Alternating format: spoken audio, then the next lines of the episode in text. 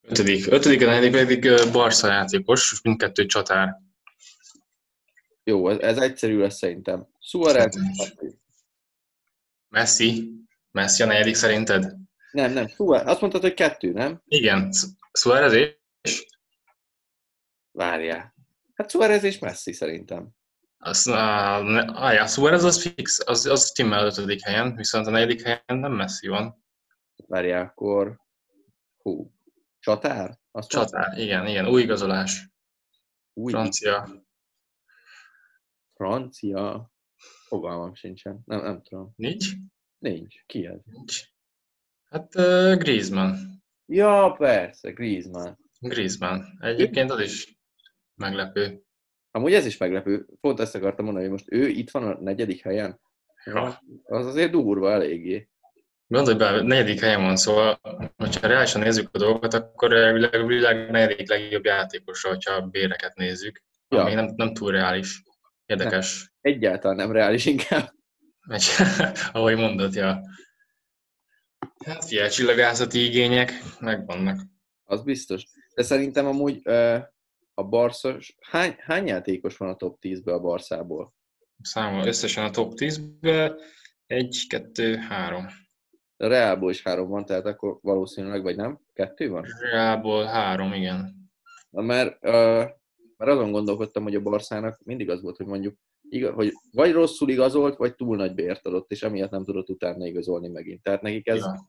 ne, a reális amúgy eléggé, a, neki az igazolásai nagyon jók, és ők a béreket uh, így csökkentik, vagy nem tudom, tehát nagyon keveset fizetnek szerintem, mármint a játékoshoz képest játékos tudásához képest keveset fizetnek, és emiatt van lehetőségük, hogy, hogy vesznek új játékosokat, meg és a többi, és a többi.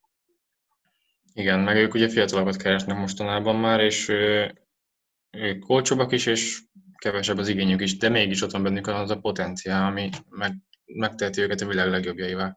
Pontosan, és pont ez az, hogy, hogy a Reálnál sokkal inkább kialakult szerintem az a kép, hogy ha te bajnokok ligáját akarsz nyerni fiatalon, és ez az álmod, akkor a Reálba mész.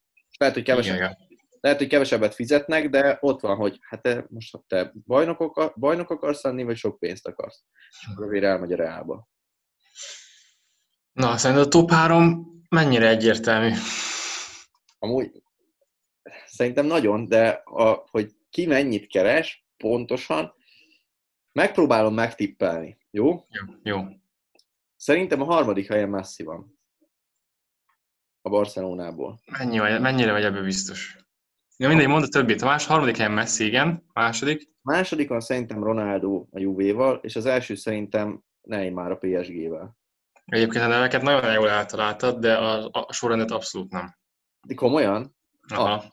Ah. Na, akkor hogy van? Fél Neymar van a harmadik helyen. Nem mondod. Aztán. De 3 millió euró per hó. Igen. És hát a két, heti, két héttel ezelőtti állás szerint Ronaldo a második, amiben nem vagyok teljesen biztos, mert olyan cikket is olvastam, hanem egyet, hogy nemrég Ronaldo átvette a vezetést, mint a fizetésben. Valamilyen szerződéssel. Ha? Nem, nem tudom. Én is csak azt, azt hallottam, hogy a koronavírusra tekintettel ő magának kérte, hogy csökkentsék a fizetését valami nem tudom én hány millió euróval. Igen, igen, igen. Na mindegy, én szerintem Ronaldo az első, amikor ez a podcast elkészül, viszont az akkori lista szerint Ronaldo a második. Ja, de ugye ebbe az is ö, szerepet játszik, hogy a Juve-ben, amikor eligazolt a Juve-be, azt hiszem 17-be, 18-ba, mindegy. 18 szerintem akkor jóval kevesebbet keres kapott, mint a Realban, amit megkeresett. Ja, az igaz. Meg hát, És akkor... Még, még annyit hozzáteszek, Ádám, csak, hogy ami, amennyi pénzérő elment a Juve-ba, tehát 105 millió euróért ment el, igazolt el, teljesen szerintem irreális ár volt, mármint irreálisan alul volt árazva, és csak hogy, hogy tudjátok, hogy mekkora marketing értéke van Ronaldónak, én azt olvastam, hogy egy héten belül megtérült ez a befektetés, mert annyi meszt adtak el, hogy visszatérült ez a 105 millió euró. Igen, az nem semmi. Ez a durva. Tehát, hogy kevés, e, képzeljétek el, hogy befektettek a világ legjobb játékosába, és egy hét alatt visszakapjátok a pénzt, és onnantól kb. csak termel neked. Irreális. Borzasztó. Na hát, és az első, Lionel Messi, a GOAT formula, ról lett elnevezve, meg Ronaldo persze. Igen, igen. És elvileg papíron kétszer annyit keres, mint Ronaldo havi szinten. Micsoda? Ami durván hangzik. Hát és nem biztos, hogy én ezt nem hiszem el, de, de források szerint igen. Én ezt most most beírom. Messi. Ezt, ezt nézz, nézzük utána. Ezt megnézem, ez, ez egyszerűen. Azt írják, hogy éves fizetés 26 millió font. Ezt gyorsan kiszámolom. Aha, várjál, itt van. Neki 26 millió font, az mindjárt beírom, hogy az mennyi. Mert Ronaldónak meg 31 millió euró. Uh-huh. Jó, de fi- ez alapokban már szerintem benne van a szponzorációs izé is. Talán ez csak a klub fizetése. Szerintem, szerintem azért, azért nem, mert amúgy, amúgy Messi elvileg 28,79 millió eurót keres. Uh-huh. De Ronaldo meg 31-et. Viszont, uh-huh. viszont itt meg azt írja, hogy Neymar meg 36,8-at keres évente. 2020-as fizetés szerint. Na, akkor megoszlanak itt a dolgok. Érdekes. Úgyhogy, de igen, azért gondolom, hogy, hogy, hogy ez csak a klub fizetése, hogy ebben nincsenek szponzorációk, mert Ronaldo pont ezt olvastam, hogy 31 millió euróra csökkentette a fizetését a Juventusnál, és itt, és itt pont azt írják róla. Úgyhogy érdekes. Mit gondolsz, rendben van ez így? ez most valami, valamelyik videóban volt, ez ugyanígy. Tudod, tudod, melyik videóban volt ez? Na. A Mónika Sós YouTube videóban volt. De amúgy szerintem jó, egyedül akikkel nem értek egyet, Griezmann, én mondjuk helyére behoznám akár Benzemát, Bél, szintén nem értek vele egyet, helyére mondjuk, hú, kit hoznák be a helyére?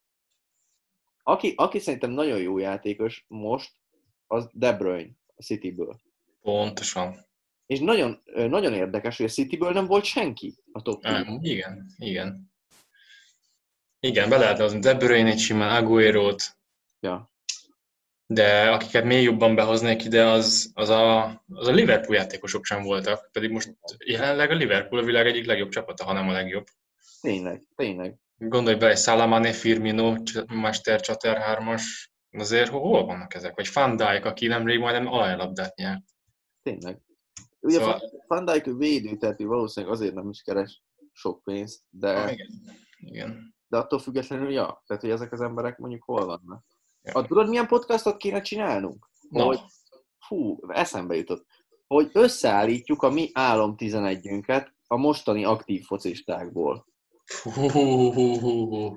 Ez rohadt jó hangzik. Mit szólsz hozzá? Akkor figyelj, valamikor még jövő héten felvehetnénk ezt is, és akkor itt, itt ilyen idézőjelben élő adásba összeállítunk egy, egy kezdő 11-et. És majd megpróbálunk arra figyelni, hogy, hogy ugyanazok a játékosok ne legyenek benne. Húha, oké. Okay.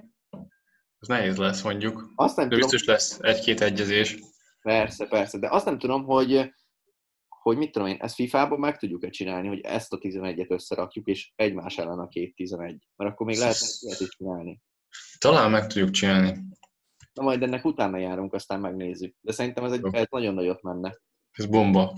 Ennyi lett volna a mai adás, reméljük tetszett, ha így van, csekkoljátok az onlinemarketing.co Instagram oldalunkat. Addig is, sziasztok!